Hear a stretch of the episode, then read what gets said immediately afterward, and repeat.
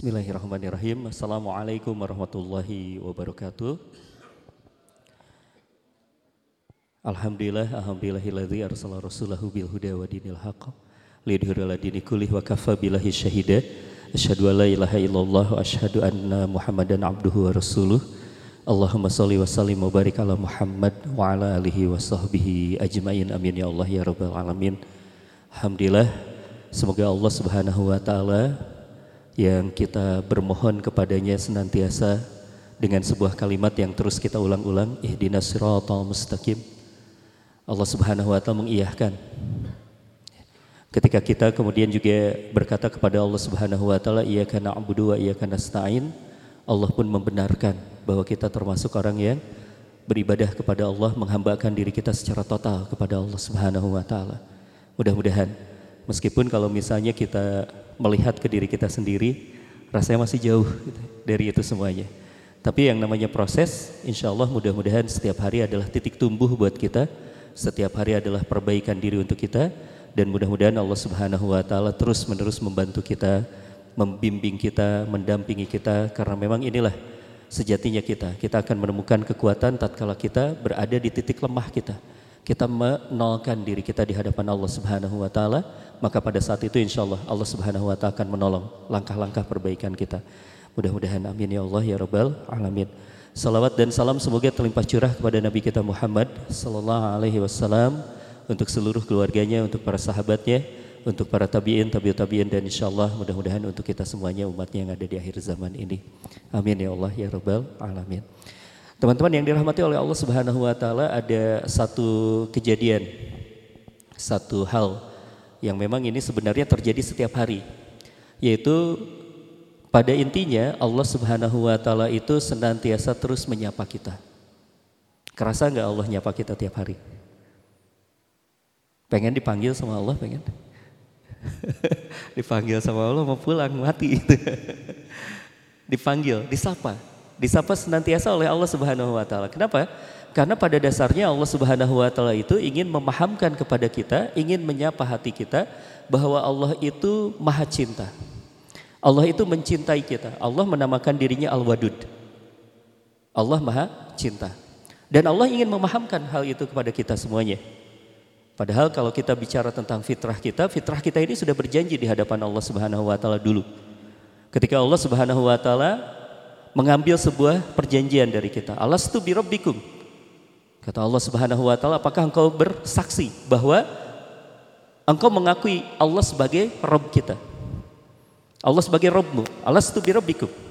Yang kalau kita bicara tentang Allah sebagai Rabb itu berarti adalah bukan hanya sekedar kita mengakui kita diciptakan oleh Allah, yang pada saat itu pun kita sebenarnya sudah akan menyadari sebuah hutang begitu yang sangat besar sekali kepada Allah Subhanahu wa taala. Karena jika kita tidak diciptakan oleh Allah, jika Allah kemudian tidak berkehendak adanya kita, maka kita tiada. Alastu bi rabbikum? Rabb itu sendiri adalah bukan hanya itu, tetapi Allah Subhanahu wa taala itu memperkenalkan dirinya, mengingatkan kepada kita pada saat kita masih menjadi ruh itu ditiupkan ruh kita itu satu hal yang diingatkan oleh Allah. Allah senantiasa mengurus kita. Akan senantiasa mengurus kita sampai kapan pun. Dan yang menariknya adalah Allah Subhanahu wa taala itu kalau kita bicara tentang ngurusnya, Allah cara ngurusnya Allah kepada kita, alhamdulillahnya Allah itu tidak mensyaratkan ketaatan. Jadi gini, kalau saja Allah itu mensyaratkan seperti ini. Udah makan belum? Ada yang belum makan? Saya kelihatan dan saya rada khawatir kalau berbicara di depan orang yang belum makan. Saya khawatirnya dianggapnya kayak donat, kayak cakwe. Masya Allah. Ada yang belum makan? belum? Ya cuma nanya aja sih nggak bakalan dikasih juga sama Cuma nanya aja. Masya Allah. Kalau kita bicara tentang makanan, ya, tadi uh, kita bicara tentang Allah itu, masya Allahnya, dan kita benar-benar bersyukur menjadi hamba Allah yang memang seperti itu sifatnya, asma wa sifatnya kita harus kenali. Allah itu nggak pernah mensyaratkan taat dulu baru dikasih rizki gitu. Taat dulu baru dikasih makan gitu. Karena kalau misalnya Allah mensyaratkan itu kebayang nggak? Di luar sana Itu banyak sekali orang-orang yang langsung mati mendadak gitu. Kenapa? Karena mereka nggak taat kepada Allah Subhanahu wa taala. Banyak kan orang yang tidak taat itu di luar sana tuh. Mati mendadak mereka. Bisa jadi, tetapi karena Allah Subhanahu wa taala tidak mensyaratkan itu, Masya Allah, Allah masih memberikan tuh rizki, masih diurus. Bahkan kemudian Allah Subhanahu wa taala masih mengurus orang-orang yang bermaksiat kepada Allah Subhanahu wa taala. Allah Subhanahu wa taala masih mengurus orang-orang yang berdosa. Padahal dosa dan maksiatnya menggunakan segala fasilitas dari Allah Subhanahu wa taala. Masih dikasih makan masih dikasih minum, masih dikasih nafas, masya Allah. Ini Allah Subhanahu Wa Taala dan Allah itu senantiasa menyapa kita dengan cara seperti itu. Ya, terus menerus ingin memperkenalkan Allah itu maha cinta. Allah tuh mencintai antum. Allah tuh mencintai kita. Tapi kadang-kadang kita tidak peka. Allah itu ingin dekat dengan kita. Allah tuh ingin dekat kepada kita, ingin dekat dengan kita. Kenapa ingin dekat dengan kita? Karena Allah Subhanahu wa taala yang Maha tahu bahwa kita ini di dalam fitrah kita itu kita ini menginginkan satu hal. Apa yang diinginkan oleh fitrah kita? Bahagia. Kita tuh menginginkan yang namanya kebahagiaan. Ada yang mau menderita selamanya di sini ada? Ada? Bangun tidur, jerawatan muncul langsung pah gitu ya. Jalan langsung bisulan gitu. Ada pengennya kayak gitu, menderita kayak gitu ya. Turun dari kendaraan jatuh gubrak gitu ya pas jalan lagi ada yang lempar gitu menderita semua terus kayak gitu ada nggak yang kayak gitu pengen nggak ya masya Allah fitrahnya kita ini pengennya masih nggak ada ujian hidup teh. Tenang gitu ya. Pengennya kita pengennya kita. Itu fitrahnya kita. Dan tetapi kemudian kita pun akan dibenturkan dengan realita yang namanya kehidupan dunia. Yang kehidupan dunia itu kata Allah Subhanahu wa taala alladzi khalaqal mauta wal hayata liyabluwakum ayyukum ahsanu amala. Bahwa yang namanya kehidupan dunia itu Allah Subhanahu wa taala menciptakan kematian, Allah Subhanahu wa taala menciptakan yang namanya kehidupan. Liyabluwakum, Allah akan mengujimu. Jadi tabiatnya dunia itu adalah darul ibtila, tempat kita diuji. Tempat kita diuji. Kalau yang namanya ujian, ya begitu. Ujian itu penuh dengan kegelisahan hidup kita. Yang namanya ujian itu pasti, masya Allah kan, Apalagi kita nih orang-orang Indonesia biasanya punya uh, ingat-ingat dulu waktu zaman-zaman sekolah, zaman kuliah gitu. Kan kita kalau ujian tegang kan. Masya Allah. Langsung kemudian SKS. Sistem kebut semenit. semenit sebelum ujian baru buka. Masya Allah. Allah karim. Ini adalah tabiatnya dan memang juga Nabi Adam alaihissalam ketika kemudian juga Nabi Adam alaihissalam ketika diciptakan oleh Allah Subhanahu wa taala, Nabi Adam itu kan Sebenarnya dari awal sudah disampaikan oleh Allah Subhanahu wa taala. Wa qala rabbuka lil malaikati inni ja'ilun fil ardi khalifah fil ardi. Adam itu diciptakan untuk diturunkan ke bumi. Adam itu diciptakan untuk diturunkan ke bumi. Tapi kemudian Adam Adam alaihi salam itu diberikan sebuah pengalaman yang sangat luar biasa. Apa pengalamannya? Ketika selesai Adam diciptakan bersama dengan istrinya, lalu kemudian Allah Subhanahu wa taala berfirman kepada Adam, Ya ada muskun anta zukal jannah. Ada sebuah pengalaman dulu. Allah Subhanahu wa taala memberikan perintah kepada Adam, "Wahai Adam, masuklah engkau bersama dengan istrimu ke dalam surga." Kan padahal Adam diciptakan untuk di bumi ya. Tapi kenapa kemudian ketika selesai Adam diciptakan, wa qulna ya Adam muskun anta zukal jannah. Masuk dulu ke surga. Ada sebuah pengalaman di sana. Ada sebuah pengalaman. Pengalaman bahwa kehidupan di surga itu indah. Bahwa di surga itu ada sebuah kehidupan yang kita tuh nggak usah kerja keras. Manusia tuh nggak usah kerja keras. Manusia tuh tinggal memetik berbagai hasil, semuanya sudah disiapkan oleh Allah Subhanahu wa taala. Hingga apa? Di dalam fitrah kita sebagai seorang manusia, mudah-mudahan kita termasuk orang yang fitrahnya hidup itu, kita itu akan merindukan kehidupan kita, kehidupan kita di mana? Di surga. Kita menginginkan kehidupan yang seperti itu. Tapi kemudian tempat kita bukan di situ dulu. Kita sekarang sedang diturunkan yang namanya di kehidupan dunia. Dan ketika kita bicara tentang kehidupan dunia ini Allah Subhanahu wa taala pun ketika menurunkan Adam ketika Allah Subhanahu wa taala menguji Adam dengan beberapa hal larangan di antaranya wala takrabah syajarah jangan kau dekat dengan pohon itu tapi kemudian terlanggar lalu Allah Subhanahu wa taala memerintahkan satu hal kepada Adam alaihissalam. Apa yang diperintahkan oleh Allah Subhanahu wa taala? Allah Subhanahu wa taala memerintahkan kepada Adam, eh, nahbitu minha jami'a.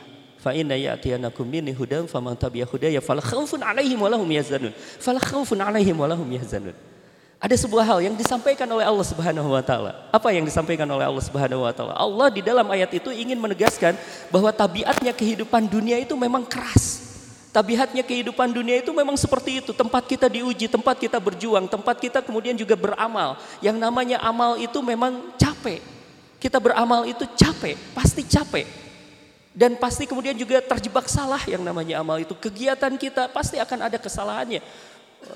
Apa pun yang kita lakukan di dunia ini pasti kemudian kita akan terbentur, ada benturan-benturan, ada gesekan-gesekan dengan orang lain. Pasti itu. Tabiatnya kehidupan kita di dunia. Kalau kita berharap hidup di dunia tanpa diuji, kata Bu Hamka apa? Mati saja engkau, kata beliau. Kenapa? Karena kehidupan dunia mah tabiatnya seperti itu. Tabiatnya seperti itu. Tapi kata Allah Subhanahu wa taala, tenang. Fa inna ya'tiyannakum uh, kata Allah Subhanahu wa taala uh, ketika Allah Subhanahu wa taala menyampaikan famang tabi'ahuda ya fala khaufun alaihim walahum yahzanun. Kata Allah tenang. Nanti aku akan kirimkan kepadamu petunjuk. Yang dengan petunjuk itu kalau engkau mengikuti petunjuk, fala khaufun alaihim walahum yahzanun. Engkau tidak akan merasakan yang namanya ketakutan. Engkau tidak akan merasakan yang namanya kesedihan. Bahasa sederhananya apa? Kalau orang nggak takut, nggak sedih, bahasa sederhananya apa? Bahagia. Allah tuh menginginkan kita tetap tuh tenang. Ada jalan kebahagiaan. Ada jalan kebahagiaan. Pasti ada jalan kebahagiaan. Karena Allah Subhanahu wa taala menginginkan kita bahagia. Allah Subhanahu wa taala menginginkan kita selamat di dunia dan di akhirat. Maka kata Ibnu Qayyim, ada satu nikmat yang begitu sangat luar biasa yang harus kita renungi di dalam kehidupan kita. Kalau kita bicara tentang nikmat, senikmat-nikmatnya teman-teman makan bala-bala. Kan enak banget ya, kan bala-bala musim hujan kayak gini ya. Pakai sambal kacang panas-panas, oh Masya Allah. Ada nggak bala-bala? ada. Bade, ayo tuh, mana ini kosong. Allah karim. Seenak-enaknya makan bala-bala teman-teman. Sebanyak-banyaknya harta yang dikirimkan oleh Allah Subhanahu wa taala perlu antum tahu, perlu kita tahu bahwa yang namanya harta kekayaan, yang namanya dunia, jangankan kepada kita orang-orang yang insya Allah diakui oleh Allah Subhanahu wa taala sebagai orang-orang yang beriman atau kita ngaku diri sebagai orang yang beriman, orang-orang kafir pun dikasih. Orang-orang yang tidak beriman kepada Allah Subhanahu wa taala pun diberikan orang oleh Allah Subhanahu wa taala yang seperti itu tuh, ya. Maka nikmat kita tuh bukan itu. Nikmat yang paling besar kata Ibnu Qayyim adalah saat di tengah-tengahmu, di tengah-tengah manusia dikirimkan Rasulullah sallallahu alaihi wasallam yang dengan dikirimkannya Rasulullah itu engkau menjadi tahu bagaimana caranya engkau hidup bahagia dengan apa dengan memahami petunjuk dan larangan dari Allah Subhanahu wa taala lalu kemudian engkau hidup bersama dengan perintah dan larangan itu dan engkau akan tetap bahagia menjalani kehidupan di dalam kehidupan dunia yang hiruk pikuknya seperti ini. Allah tuh menginginkan kita bahagia. Sehingga kalau misalnya kita bicara tentang tadi ya nikmat yang paling besar setelah keimanan kita adalah diutusnya Nabi Shallallahu Alaihi Wasallam. Karena dengan cara itu kita bisa tahu bagaimana cara yang kita hidup bahagia. Dia ingin, Allah ingin kita ini selamat di dunia dan di akhirat. Allah juga ingin kita ini memahami bahwa sebaik-baiknya, sekokoh-kokohnya dan seindah-indahnya dermaga-dermaga kita yang ketika kemudian kita mengarungi kehidupan kita itu seperti lautan yang begitu alhamdulillah Tuhan. Yang sangat luar biasa, lautan yang begitu sangat menggelisahkan, karena memang prinsipnya kita seperti itu, nahnu qaumun amaliyun. Kita ini adalah orang-orang yang orientasinya pada amal. Kita orang yang akan sibuk dengan berbagai agenda kehidupan kita, betul gitu ya. Tapi kita butuh yang namanya dermaga-dermaga kita. Butuh yang namanya itu adalah tempat kita istirahat. Butuh tempat di mana kemudian juga Rasulullah Shallallahu Alaihi Wasallam bahkan pernah berkata kepada Bilal radhiyallahu an, ya Bilal, arihna, wahai Bilal, istirahatkan kami. Cuma istirahatnya Rasul beda dengan kita. Kalau kita istirahatnya kita ngapain? Banyaknya. Kalau Rasul ternyata istirahatnya kan di sana dilanjutkan kalimatnya ya Bilal arihna bisolah. Wahai Bilal istirahatkan kami dengan salat. Kebayang ya istirahatnya Rasul tuh salat buat buat kebanyakan kita manusia akhir zaman ini salat tuh jadi beban banget buat kita beban banget. Makanya cerah wajahnya tuh kalau sel selesai sholat gitu ya. Asik, Alhamdulillah, beres gugur kewajiban gitu. Salah kita. Penyimpapan kita terhadap sholat. Nanti satu saat kita bahas tentang sholat itu bagaimana sebenarnya. Sholat itu Allah tuh nggak butuh sholat kita. Tapi yang butuh itu kita. Karena dengan sholat kita, kita akan bisa bahagia. Allah bizikrillah tatmainul kulub. Ingat bahwa dengan zikir, dengan mengingat Allah Subhanahu wa taala hati kita akan menjadi tenang. Istirahatnya Nabi dengan sholat. Masya Allah. Ya. Allah tuh ingin memahamkan kepada kita bahwa seindah-indahnya istirahat kita itu adalah saat hati kita itu terus-menerus sambung kepada Allah Subhanahu wa taala. Sehingga bahasanya Imam Hasan Al-Basri beliau berkata bahwa kalau orang ini benar memahami tentang hal ini, maka dia akan sibuk Tangan dan kakinya sibuk bekerja di dunia, tetapi hatinya senantiasa tertuju kepada dia yang ada di langit. Dia akan sibuk dengan urusan-urusan dunianya untuk berkhidmat, untuk kemudian memerankan dirinya sebagai seorang khalifah di muka bumi, tetapi hatinya sudah sampai ke akhirat. Insya Allah. Itu bahagia kalau kita seperti itu. Ya. Karena kalau kita bicara sekali lagi tentang tabiatnya dunia, saya ingin tanya ke teman-teman, pernah kecewa nggak? Pernah? Pernah? Sering. Sering jangan sambil lirik-lirik. Nyari teman ada. Sering kecewa dengan dunia. Sering. Sering. Kira-kira kalau kita kecewa dengan dunia bagus atau jelek? Bagus atau jelek? Bagus. Kenapa bagus? Karena pada saat itu kita akan memahami dunia itu tidak layak untuk kita cintai. Kenapa kita tidak tidak layak untuk mencintai? Kita mencintai sesuatu yang mengecewakan. Betapa sangat tidak bahagianya kita. Betapa sangat menderitanya kita berharap hampa kepada yang hampa juga gitu. Berharap hampa kita terpuaskan dengan yang hampa juga. Berharap kita disempurnakan dengan yang tidak sempurna. Gak mungkin kita. Masya Allah. Makanya seorang mukmin yang benar seorang yang berimannya benar itu kalau kita bicara tentang kebahagiaannya unconditional unconditional happiness. Kita tuh gak punya syarat bahagia tuh. Bahagia tuh gak punya syarat. Misalnya, pokoknya saya mau bahagia kalau ada bala-bala misalnya. Itu kan masih ada kondisinya tuh. Berat. Kalau misalnya kata antum teh, gak ada bala-bala mah ayahnya cireng, ah saya tetap gak bahagia kan. Kenapa? Kayak karena saya mensyaratkan bahagia saya tetap dengan bala-bala. Betapa sangat menderitanya saya. Dan betapa manusia sekarang itu kalau kita bicara tentang prinsip-prinsip kebahagiaan itu pasti ada sebab, pasti ada sesuatu. Saya bahagia kalau, saya bahagia kalau, saya bahagia kalau. Itu masih kondisional bahagianya. Padahal kalau kita kemudian menunjukkan kepada Allah Subhanahu wa taala, bala-bala bisa tidak ada, tapi Allah tetap ada bersama dengan kita. Ya. Kata Allah apa? Wahwa ma'akum aina kuntum. Sesungguhnya aku bersama denganmu di mana pun engkau berada. Masya Allah. Pernah dengerin bala-bala ngomong gitu kan antum? Kabur. Masya Allah. Ini satu hal. Sehingga Allah tuh ingin menginginkan kita, memahamkan kepada kita. Sampai kata Ibnu Qayyim, Ibnu Qayyim itu sampai mengatakan satu kalimat yang begitu sangat indah sekali. Merinding kalau saya menyampaikan ini. Kata beliau, Sesungguhnya di dalam hati ini ada sobekan yang tidak bisa dijahit kecuali dengan hatimu menghadap penuh kepada Allah Subhanahu wa taala. Masya Allah sedih kita. Ya. Dalam kehidupan dunia itu sedih. Kecuali hati kita full menghadap kepada Allah Subhanahu wa taala. Yang ini dikuatkan oleh Imam Syafi'i kata beliau, mana mungkin engkau bisa bahagia dengan cara mencintai Allah Seandainya di dalam hatimu masih ada bayang-bayang kecintaanmu terhadap dunia. Allah Akbar. Maka ini penting sekali ya teman-teman nih. Bahwa kita tuh tidak akan pernah bisa bahagia. Kata Ibnu Qayyim lagi di kesempatan yang lainnya beliau pun berkata. Jika engkau ingin bahagia, maka jangan sekali-kali kau tujukan perhatianmu kepada sesuatu yang akan hilang dan akan musnah. Apa yang akan hilang dan akan musnah? Semua. Yang tidak akan hilang dan tidak akan musnah hanya satu, Allah. Maka kata beliau, maka jangan engkau palingkan sedikit pun perhatianmu dari Allah Subhanahu wa taala. Karena itu yang akan bisa membuat kita bahagia. Masya Allah. Ya. Kalau kita bahagia dengan fisik kita, ingat Fisik kita ini semakin hari semakin lemah, teman-teman. Bertambahnya usia, bertambah lemah kita. Ya, gantengnya teman-teman, cantiknya teman-teman itu relatif. Karena itu hanya masa saja, hanya kurun waktu. Nggak ada aki-aki ganteng, nggak ada teman-teman. Ya, udah pakai tongkat gitu nggak ada. Ini kurun masa. Suatu saat kita akan habis. Maka kalau kita hanya mengandalkan dunia fisik kita, kita akan tetap sangat kecewa. Ya, satu.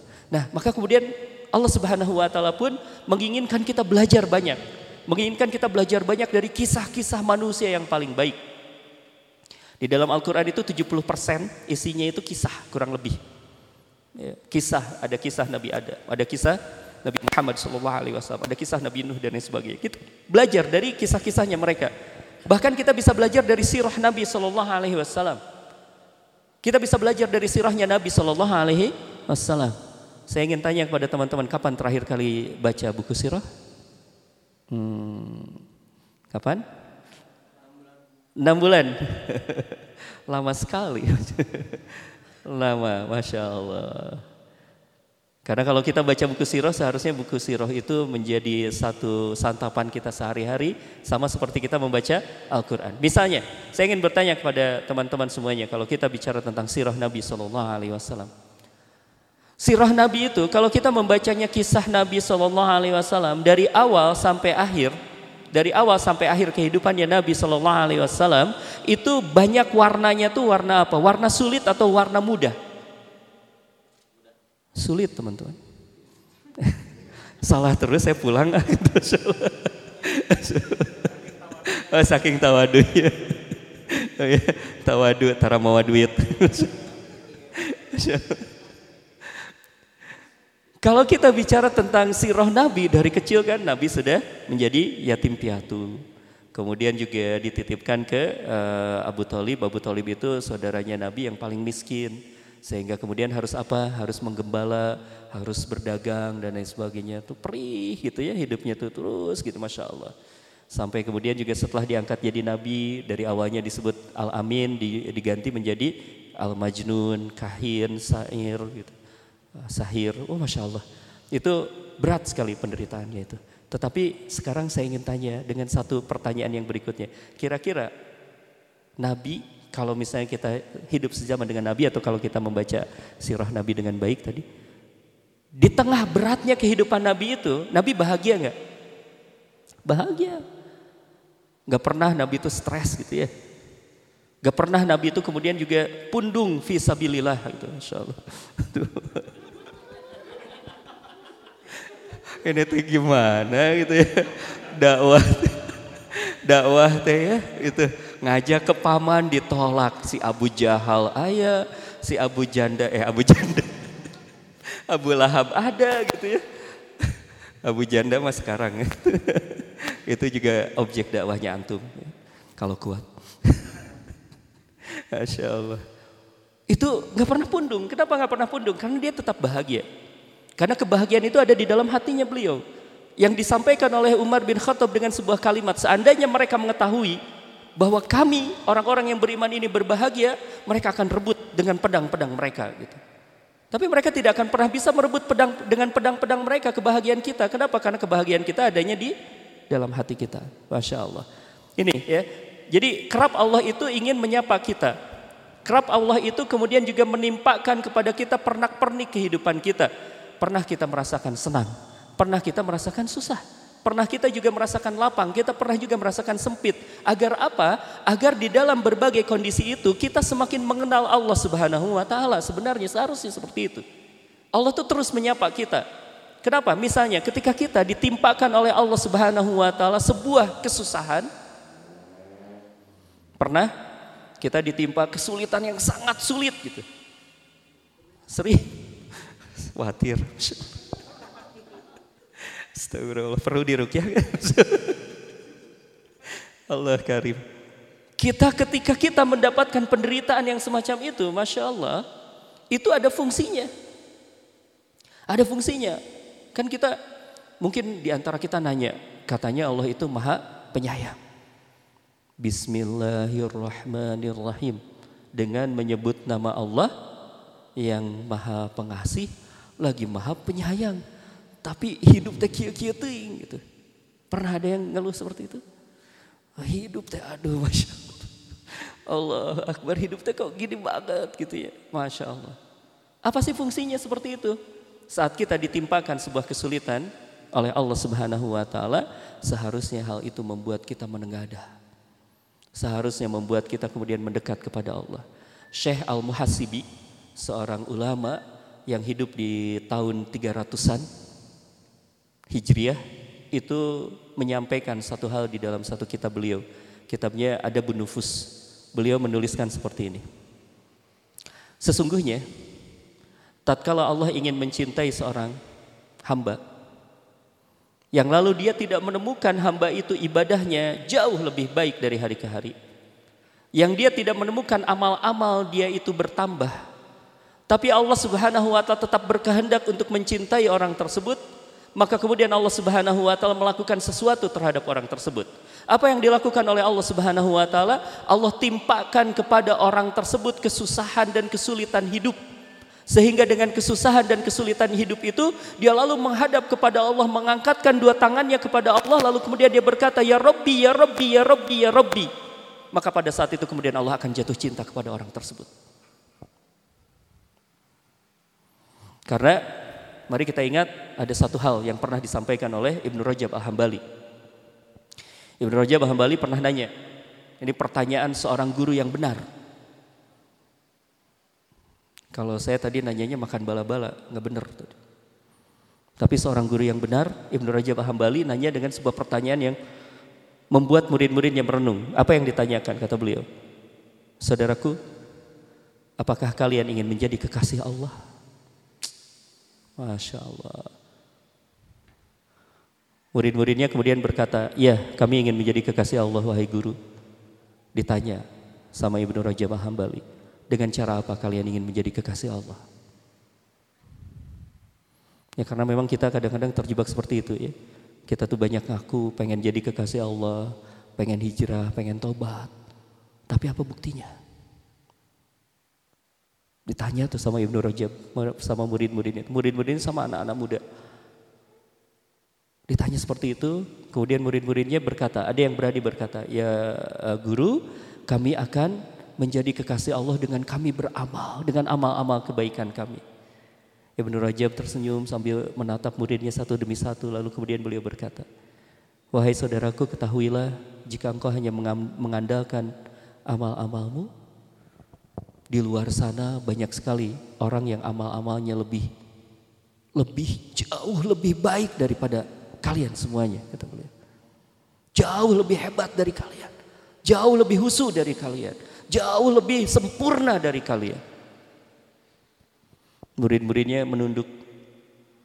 Lalu kemudian ada yang berkata pada Ibnu Rajab Hambali, Wahai guru kalau seperti itu bagaimana caranya agar kita bisa menjadi kekasih Allah?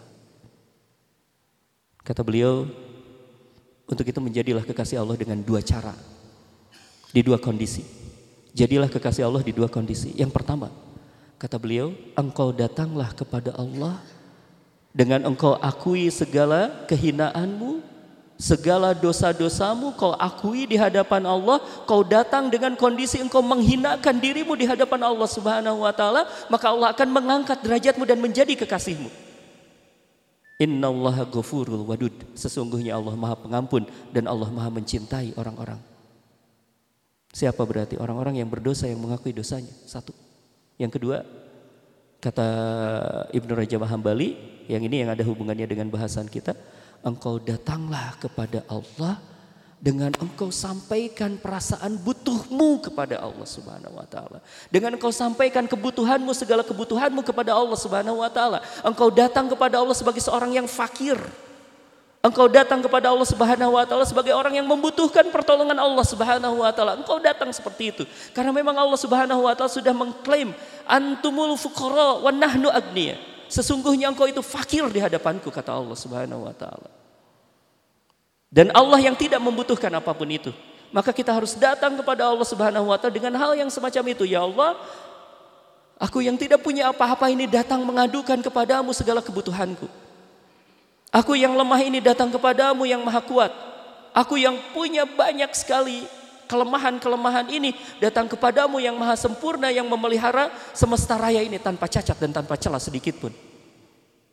Maka pada saat kita seperti itu kita bisa dekat dengan Allah Subhanahu wa taala. Kita bisa menjadi kekasihnya Allah Subhanahu wa taala. Jalannya lewat apa? Ujian.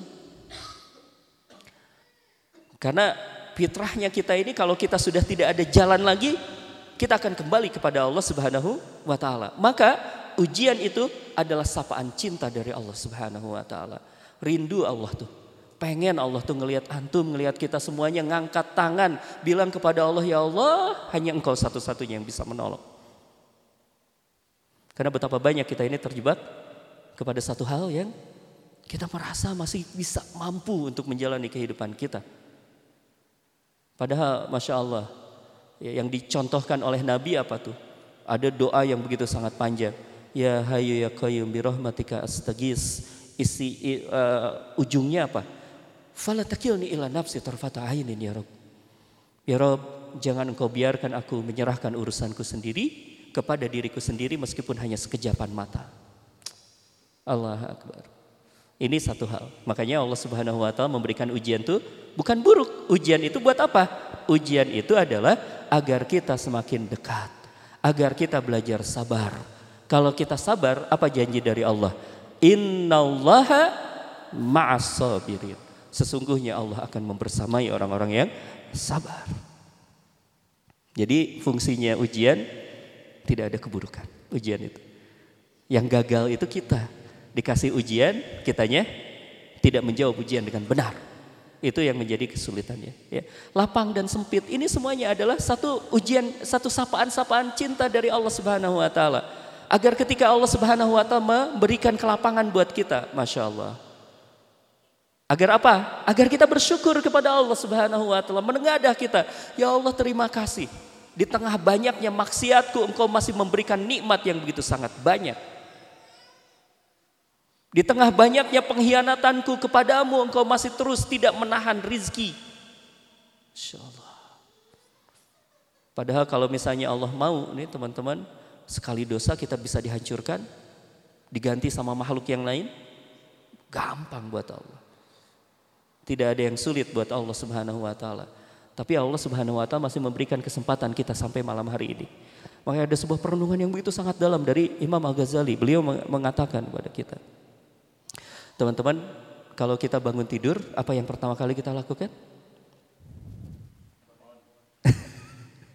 Ngaku. Apa yang pertama kali kita lakukan? Buka mata. Satu. Yang kedua setelah buka mata apa? Baca doa. Doanya apa? Alhamdulillahilladzi ahyana ba'da ma amatana wa ilahi nusur. Ini kayak sepele, tapi ini adalah sebuah cara berpikir. Ini adalah mindset. Nama kita bicara tentang mindset. Gini. Pada saat kita bangun, kita mengucapkan Alhamdulillah yang artinya alhamdulillah itu kalau kita mengembalikan ke dalam makna yang sebenarnya teman-teman alhamdulillah itu asal katanya cuma huruf ha mim dal hamada hamada tapi kemudian ada alif dan lam yang itu berarti memutlakan alhamdulillah berarti mutlak segala pujian dihitungkan kepada Allah alhamdulillah ditujukan kepada Allah Subhanahu wa taala sehingga pada saat itu kita akan menemukan segala pujian itu hanya milik Allah Subhanahu wa taala. Pujian itu dibalikin saja kepada Allah Subhanahu wa taala, dibalikin saja semuanya itu kepada Allah Subhanahu wa taala, termasuk nikmat kehidupan kita hari ini. Alhamdulillah. Maka Imam Al-Ghazali itu pas waktu sudah mengucapkan doa bangun tidur itu, beliau itu merenung dengan sebuah pertanyaan. Pertanyaannya sederhana. Untuk apa Allah masih menghidupkanku hari ini? Allah sibuk gak? Sibuk banget. Orang yang lebih baik dari kita tuh banyak. Kenapa kita termasuk yang masih dihidupkan oleh Allah? Ya. Padahal mungkin kalau kita introspeksi berani jujur pada diri kita, mungkin kita tuh cuma jadi pembeban bumi aja gitu. Ya. Makan di atas bumi, membebani bumi, masya Allah. Mungkin kita tuh seperti itu gitu. Tapi kenapa Allah Subhanahu Wa Taala tuh masih memberikan kehidupan buat kita? Sehingga Imam Al-Ghazali itu terus merenung, menanyakan pada dirinya sendiri, Ya Rob, kenapa engkau masih memberikan kehidupan untukku hari ini? Sampai kemudian beliau menemukan sebuah jawaban. Jawabannya ada dua, kata beliau.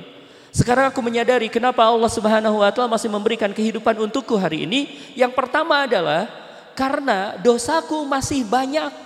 Sehingga Allah masih memberikan kesempatan aku memperbaiki diriku sendiri. Masya Allah. Ini nikmat yang begitu sangat luar biasa. Dosa kita banyak tapi Allah masih memberikan hari ini. Itu artinya adalah Allah masih memberikan kesempatan untuk kita memperbaiki diri. Bertobat di hadapan Allah subhanahu wa ta'ala. Aset kita itu waktu. Aset kita yang utama itu waktu. Yang diberikan sama semuanya kepada kita semuanya. Waktu. Dan itu diberikan lagi, masih diberikan kepada kita. Kita masih hidup hari ini. Maka kemudian agenda kita adalah kita masih diberikan oleh Allah Subhanahu wa taala kehidupan adalah untuk memperbaiki diri satu. Yang kedua kata Allah eh, kata Imam Al-Ghazali, sekarang aku menyadari kenapa Allah masih menghidupkanku hari ini karena amalku masih sedikit. Sehingga hari ini adalah sebuah ajang untuk menambah amal-amal. Fatazawadu fa inna jadi takwa. Kata Allah Subhanahu wa taala berbekal. Ini kehidupan sementara berbekal. Ini yang namanya sebuah perjalanan. Kita sedang musafir, kita sedang safar di kehidupan dunia. Nanti kita akan kembali pulang. Jangan sampai perbekalan kita habis.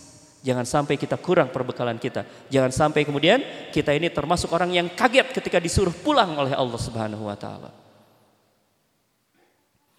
Jadi itu sehingga dalam syukur kita mengembalikan semuanya kepada Allah dalam sabar kita mengembalikan juga semua kepada Allah Subhanahu wa taala dan ini tuh terus berganti seperti itu kan kehidupannya seperti itu saja. Senang, susah, senang, susah begitu saja. Dan itu adalah sapaan dari Allah Subhanahu wa taala. Itu tuh kejadian saja. Itu tuh sapaan dari Allah Subhanahu wa taala. Ini bagian dari ujian.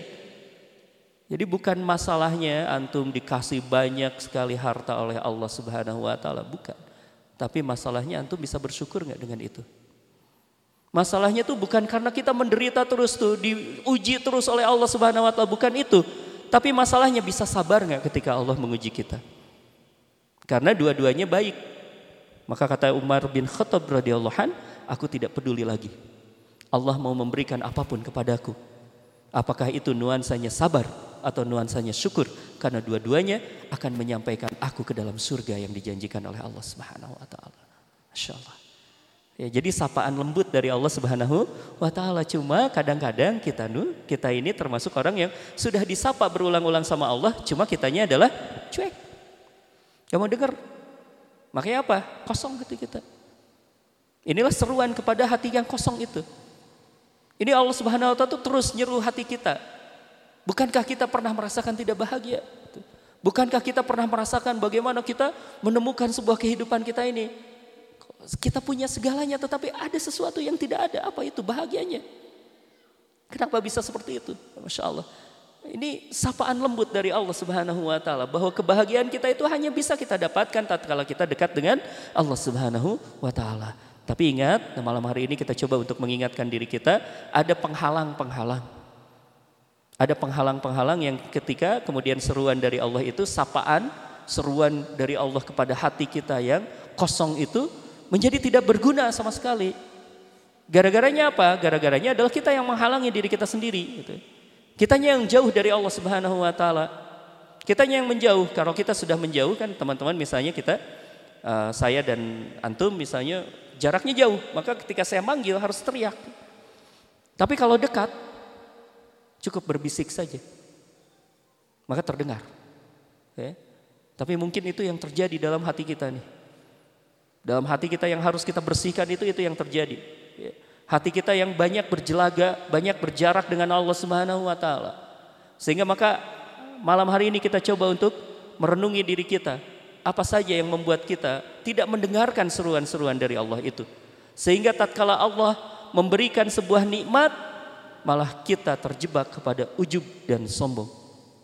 Tatkala kita kemudian juga diberikan sebuah ujian oleh Allah Subhanahu wa taala berupa kesulitan, malah kemudian kita menjadi makin jauh dari Allah Subhanahu wa taala. Apa yang terjadi dengan diri kita? Maka kita coba untuk melihatnya. Ada beberapa penyakit yang harus kita obati. Yang pertama, satu penyakitnya itu adalah syahwat. Yang ini harus kita perbaiki dulu, kenali diri kita dulu. Ada syahwat, yang syahwat ini uh, luas kan?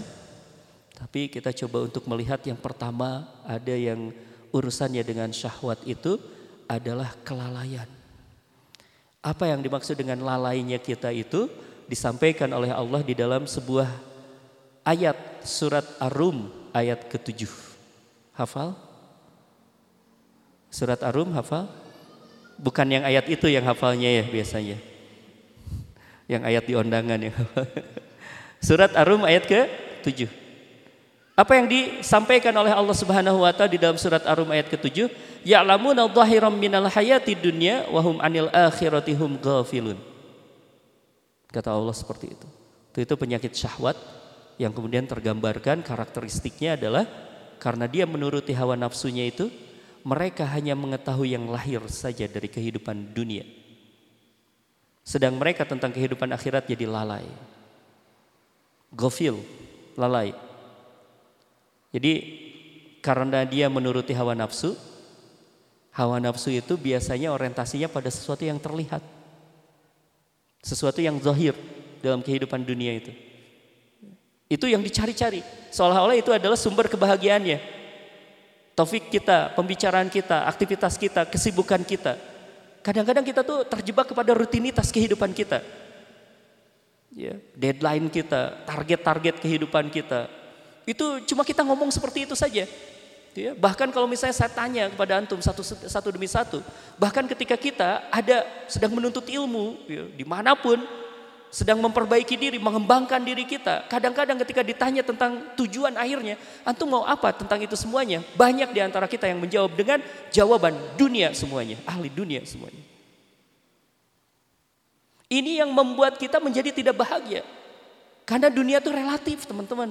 Kalau kita sudah mendapatkan sesuatu, itu kita akan menuntut mendapatkan sesuatu yang lebih besar lagi itu tabiatnya dunia. Tabiatnya dunia. Dulu mungkin Pas waktu kita nggak punya apa-apa, pernah ngalamin nggak punya apa-apa misalnya, ngebayangin makan telur dadar tuh enak gitu. Tapi setelah kita punya aset yang banyak, omset yang cukup, maka telur tuh menjadi enggak. Sekarang berubah jadi pizza gitu ya. Nantinya berubah lagi terus saja berubah lagi. Begitulah tabiatnya dunia. Karena dunia itu seperti itu. Makanya banyak orang yang terjebak menjadi tidak bahagia itu karena fokusnya terhadap dunia. Fokusnya terhadap dunia. Pandangan terhadap sesuatu itu akan mempengaruhi hati teman-teman. Itu yang menjadi persoalan. Kesuksesan kita kalau kita bicara tentang ukuran kesuksesan kita. Satu saat kita pulang ke rumah. Orang tua kita bangga, bahagia. Kemudian bilang ke tetangga, anak saya sudah sukses. Biasanya ukuran suksesnya apa?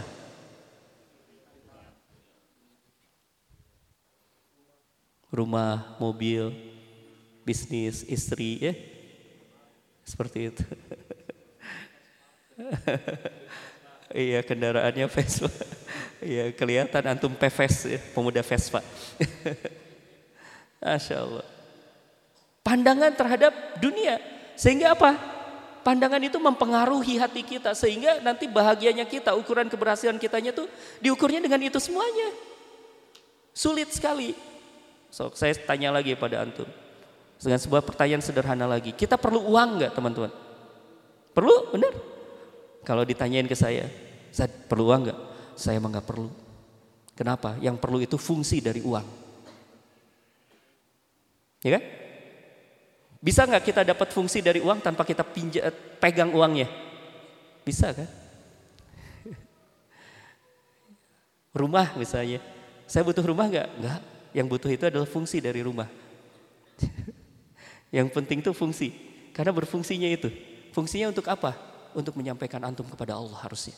Apa pun yang kau pegang. Uang itu berfungsi, betul fungsi. Antum pergi haji harus pakai uang, nggak bisa pakai daun. Betul. Kita membangun organisasi, membangun bisnis kita pakai uang. Kekuatan umat pakai uang. Tapi buat apa uangnya? Fungsi uangnya yang harus jelas. Fungsi uangnya adalah untuk mendekatkan diri kita kepada Allah. Ini jadi alat ibadah saja buat kita. Ya, alat ibadah saja buat kita. Nah ini, tapi kalau misalnya kita ke dunianya, fokusnya ke dunianya, masya Allah, wah berat sekali kita ini. Ya, kalau kita ngumpulin uang sekarang, nabung-nabung uang kan tahun depan tuh jumlah uang kita jadi kurang kan. Belum lagi sekarang uang kita sudah kita simpan dalam bentuk digital. Mati listrik, mati kita nggak bisa transaksi. Insya Allah. Apa ini gitu ya? Allah Akbar. ini maka uh, orientasi kita harus kita perbaiki terlebih dahulu. Pandangan yang tertuju pada dunia, maka hati juga akan sangat duniawi nantinya. Hati kita akan sangat duniawi. Jadi modus kita tentu dunia lagi akhirnya semuanya nantinya. Ya. Kalau kita sedang susah mah biasanya maju tak gentar membela yang benar. Wah beranian gitu. Ya. Pas sudah dapat proyek gede, maju tak gentar membela yang bayar. Gitu. Ini karena orientasinya dunia, jadi bisa terbeli. Ya, ya uh, makanya akhirnya kemudian kita merasakan yang namanya emptiness kekosongan di dalam hati kita karena dunia tidak akan pernah bisa memuaskan kita karena engkau sedang mengejar kefanaan dan kau lupakan keabadian. Engkau mengejar kebahagiaan dari yang fana sementara engkau melupakan keabadian. Satu, ini lalai.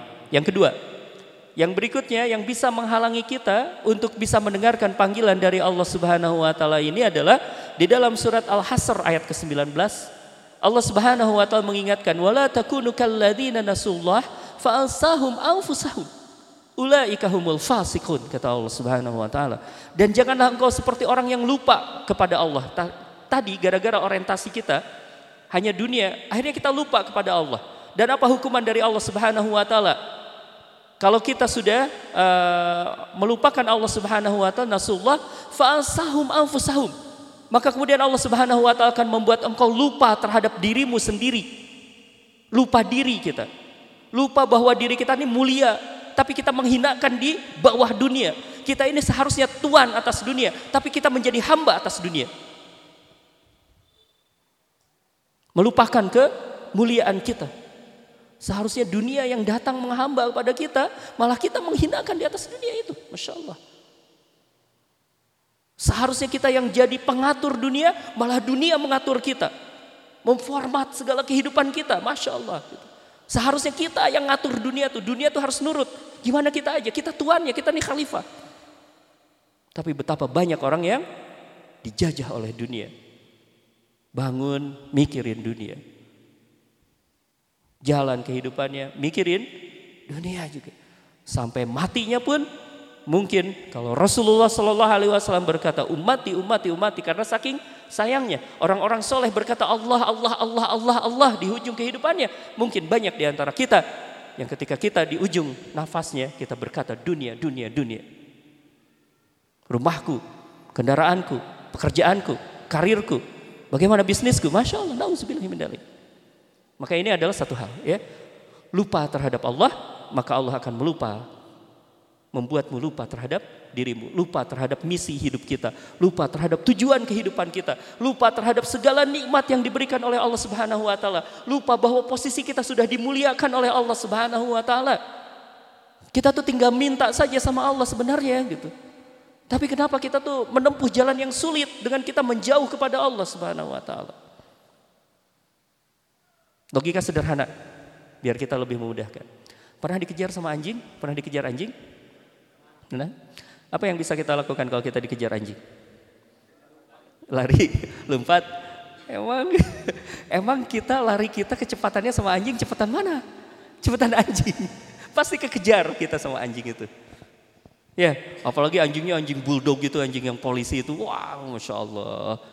Cepat kan, dia mah terlatih. Kita mah futsal aja ada buat lari, gak ada buat nendang kan gitu. Ada buat nendang, ada buat lari.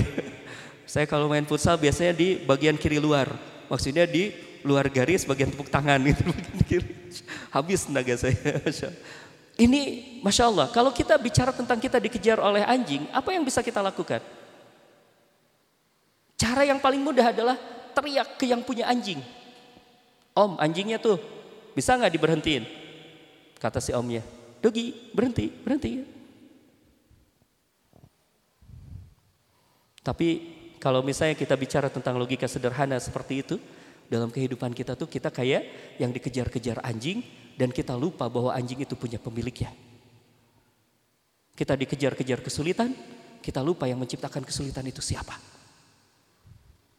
Kita dikejar-kejar dengan keinginan, tapi kita lupa bahwa siapa yang akan mengabulkan keinginan itu.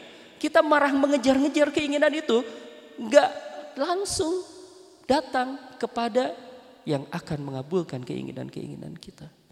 Masya Allah, lupa. Jadi kita menempuh jalan mempersulit diri kita sendiri. Masya Allah. Padahal kata Allah apa? Ud'uni astajib laku. Mintalah kepadaku, maka aku akan kabulkan. Gampang kan hidupnya ya? Masya Allah. Tapi kita menempuh jalan menyengsarakan diri kita sendiri. Masya Allah. Ah, ini awalnya dari mana? Yang ayat yang ketiga yang perlu kita renungkan. Ada surat Al-Mutaffifin ayat ke-14. Surat Al-Mutaffifin ayat ke-14. Kalla bal rana ala kulubihim ma kanu yaksibun. Sekali-kali tidak demikian. Sebenarnya apa yang selalu mereka usahakan itu menutupi hati mereka. Apa yang dimaksud dengan ayat ini? Dosa. Sisa-sisa maksiat kita. Kita yang pernah mengalami masa-masa di mana kita terjebak dalam dosa,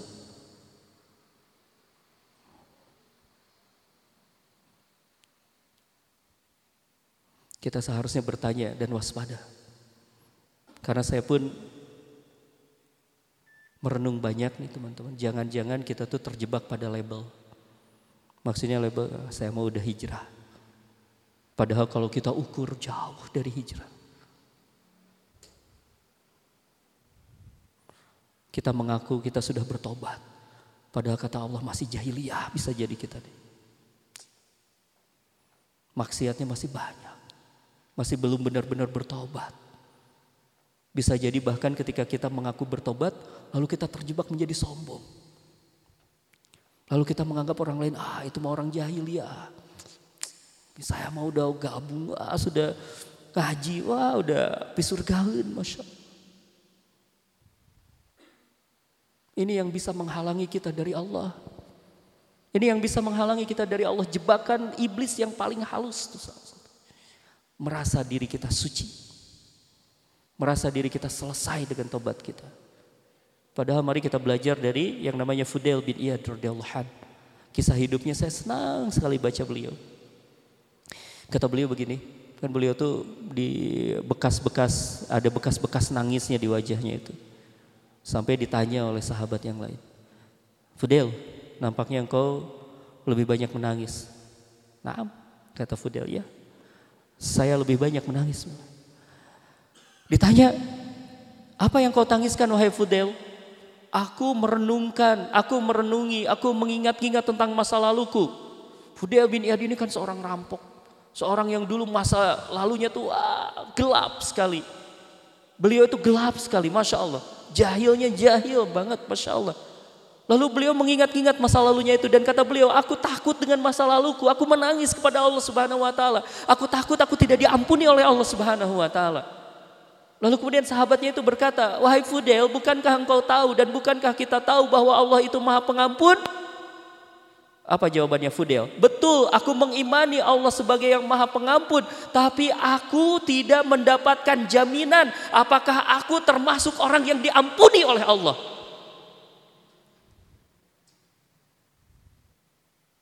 Itu kalau sekali berfudai. Apalagi kita. Kita nggak pernah dapat jaminan dari Allah antum diampuni. Kita diampuni nggak ada jaminan dari Allah. Tapi Allah maha pengampun iya. Tapi belum tentu kita termasuk yang diampuni oleh Allah. Belum tentu kita tuh. Makanya Umar bin Khattab sempat menangis kata beliau. Pas waktu menangis ditanya oleh seorang sahabat yang lain. Umar kenapa engkau menangis? Kata beliau. Aku mengetahui bahwa neraka itu luas dan neraka itu banyak penduduknya, tetapi aku khawatir aku termasuk penduduk dari neraka itu. Dan aku pun mengetahui bahwa surga itu luas, luas sekali. Tapi aku khawatir bahwa aku tidak tercatat sebagai penduduk surga itu. Masya Allah. Ini yang harus kita miliki, jiwa yang seperti ini yang harus kita miliki. Jiwa yang kemudian datang kepada Allah, jiwa yang kemudian juga mengakui segala kesalahan-kesalahan kita, mengakui segala kelemahan-kelemahan kita, lalu kita terus datang kepada Allah dengan jiwa yang bertobat. Karena dosa-dosa kita ini mungkin sudah merusak suur kita. Suur itu apa? Selera kita. Ya, Sudah rusak pandangan kita, masya Allah. Ya. Maka maksiat yang menutupi hati dari hidayah. Nah, zikir kita mah banyak-banyaknya harusnya adalah mengucapkan istighfar. Astagfirullahaladzim. Astagfirullahaladzim. Alladzi la ilaha illahu. Al hayyul qayyum wa atubu ilai. Banyak-banyak kita. Astagfirullahaladzim. Banyak-banyak kita. Biar kemudian hati kita jadi lembut nantinya. Jadi kalau Allah ingin menegur kita, ingin membimbing kita, cukup dengan hal-hal yang lembut saja. Gitu. Gak perlu Allah tuh mukul kita dengan keras, biar kita kehilangan segalanya. Lalu ketika kita kehilangan segalanya, baru kita kembali kepada Allah. Allah. Ini yang harus kita perbaiki terlebih dahulu. Syahwat kita, maksiat kita bisa membuat kita berjarak dengan Allah Subhanahu wa taala. Ini ada satu hal yang menarik nih teman-teman kisahnya Adam dengan iblis itu menjadi sebuah pelajaran penting buat kita. Adam alaihissalam itu melakukan dosa sekali ya. Melanggar larangannya sekali kan? Tapi apa yang terjadi? Gara-gara sekali larangan itu, dulunya tuh kalau kita perhatikan dari mulai ayat ke-30 sampai satu halaman itu, Allah tuh langsung dekat sekali dengan dengan Adam tuh dekat sekali Allah tuh. Jadi Allah tuh langsung menyapa Adam, ya Adam, ya Adam, ya Adam, ya Adam muskun anta wajuzukal jannah. Akrab, dekat sekali, jaraknya dekat, bahasanya bahasa langsung. Tapi ketika Adam melakukan satu kesalahan apa? Kalimatnya. Fatalaqa Adamu mir rabbihi kalimati fataba alaih. Dan Adam kemudian menerima kalimat dari Allah dari tempat yang begitu sangat jauh. Satu dosa membuat Adam berjarak dengan Allah Subhanahu wa taala. Bagaimana dengan kita yang banyak dosa? Mungkin jaraknya jauh banget kita sama Allah. Makanya kita perbaiki terlebih dahulu seperti itu. Ada lagi satu dosa yang terjadi pada episode cerita itu, yaitu dosanya iblis lanatullah alaih. Iblis itu dosanya apa? Sombong dan sombongnya berapa kali sombongnya? Hanya sekali sombongnya itu. Iblis sombong sekali lalu kemudian dilaknat oleh Allah Subhanahu wa taala. Bagaimana dengan kita yang berkali-kali sombong, berulang-ulang sombong? Masya Allah. Mungkin yang lebih layak dilaknat itu bukan iblis, kita. Masya Allah, ya ini satu hal. Maka untuk itu kita perbaiki diri kita sehingga kemudian nanti ya uh, apa yang menjadi sapaan-sapaan dari Allah, panggilan-panggilan kepada hati kita panggilan-panggilan dengan berbagai peristiwa itu kita bisa tangkap dengan baik. Ini Allah sedang kangen dengan kita. Ini Allah sedang merindukan kita. Ini Allah sedang ingin dekat dengan kita dengan bahasa-bahasa peristiwa itu. Mudah-mudahan ini bisa menjadi sebuah bekal untuk kita. Allah senantiasa ingin dekat kepada kita dan mudah-mudahan dengan cara seperti itu apa pun peristiwanya kita bersegera kembali kepada Allah Subhanahu wa taala. Pokoknya Allah dulu, Allah lagi, Allah terus aja hidup kehidupan kita kayak gitu aja ya. Orientasi kita tetap kepada Allah Subhanahu wa taala karena kebahagiaan kita saat kita dekat dengan Allah Subhanahu wa taala.